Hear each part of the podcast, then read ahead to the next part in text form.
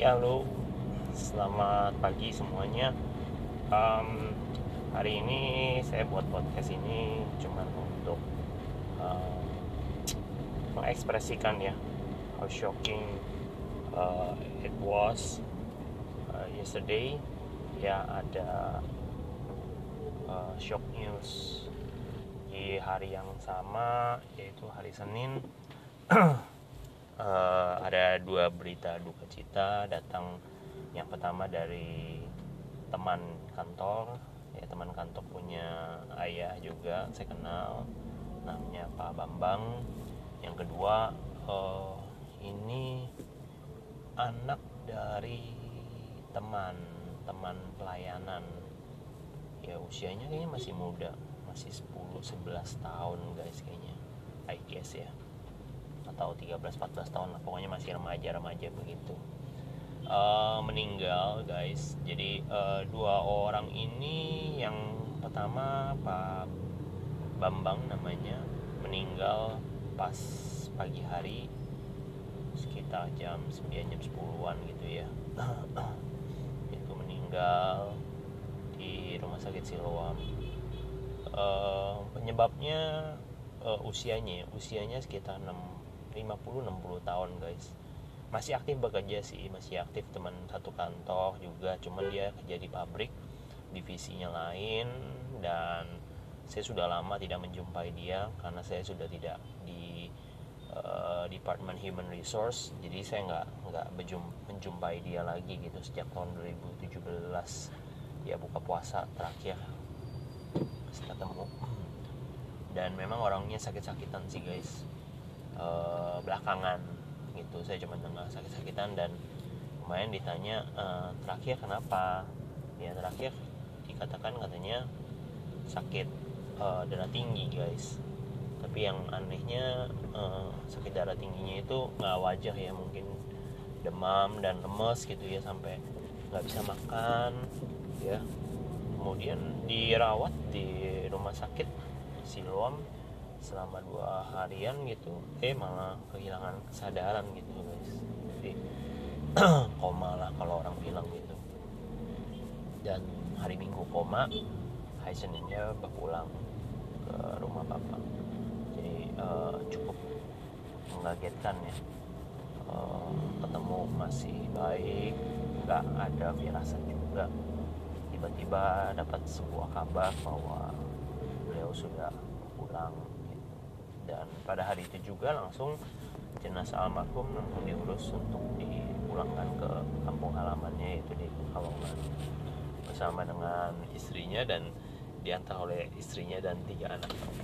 Tiga anaknya ke Pekalongan dari rumah sakit Siloam.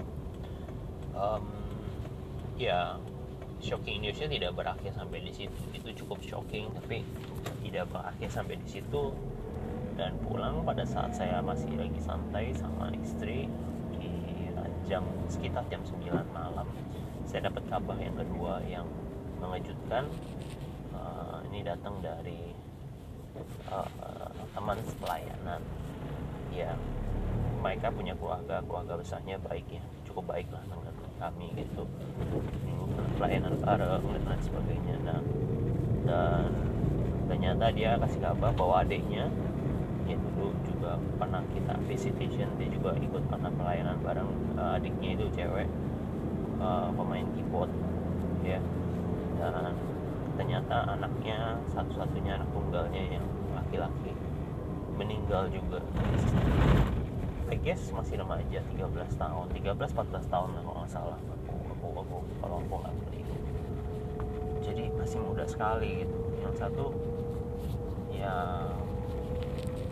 juga udah usia tapi juga belum belum tua tua banget gitu. Tapi uh, dua berita ini baik yang ada yang uh, tua maupun yang muda menggambarkan sebuah situasi dan kondisi kepada saya gitu ya secara pribadi. Saya mengucapkan memang turut berduka cita dengan kedua keluarga ini gitu. Karena kedua keluarga ini memang saya kenal kenal baik gitu ya.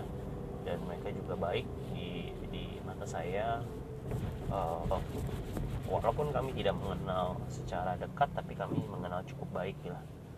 Dan kabar ini benar-benar shocking banget. Sampai saya juga bingung harus berkata apa-apa gitu ya.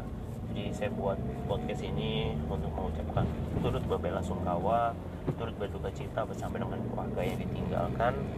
Semoga semua kebaikan kebaikan-kebaikan daripada almarhum bisa kita kenang dan menjadi uh, kiranya menjadi kekuatan hiburan juga buat keluarga-keluarga uh, terkasih yang ditinggalkan.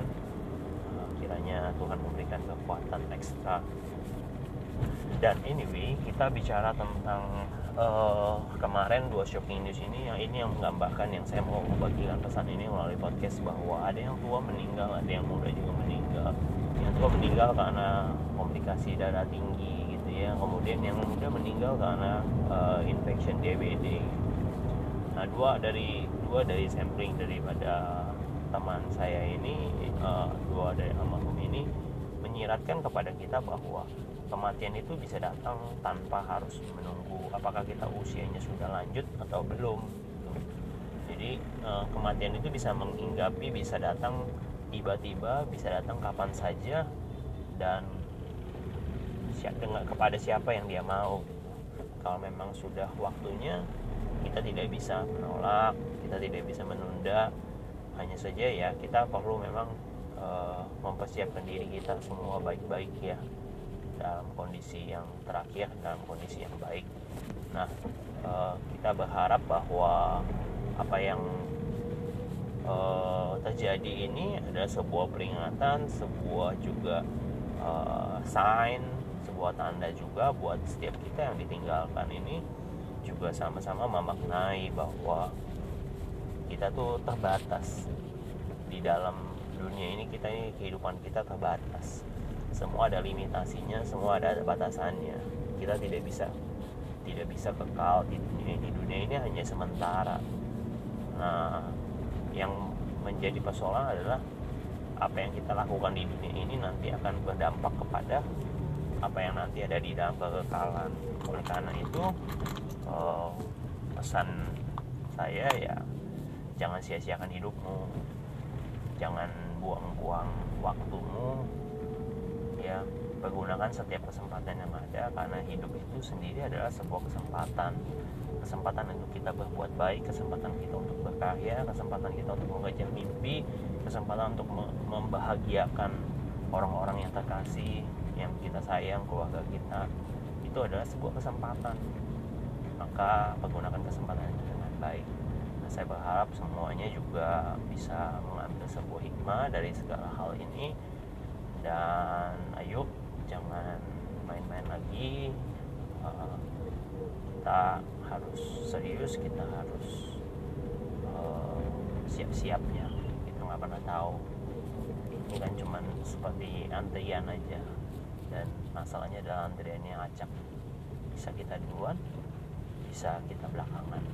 Nobody knows only God knows sampai di sini dulu dan kiranya pesan ini bisa kita ambil sebuah hal yang positif bisa kita dapatkan sesuatu petik sesuatu hal yang positif untuk uh, ke depannya kehidupan kita jauh lebih baik. Tuhan Yesus memberkati kita semua. God bless bye bye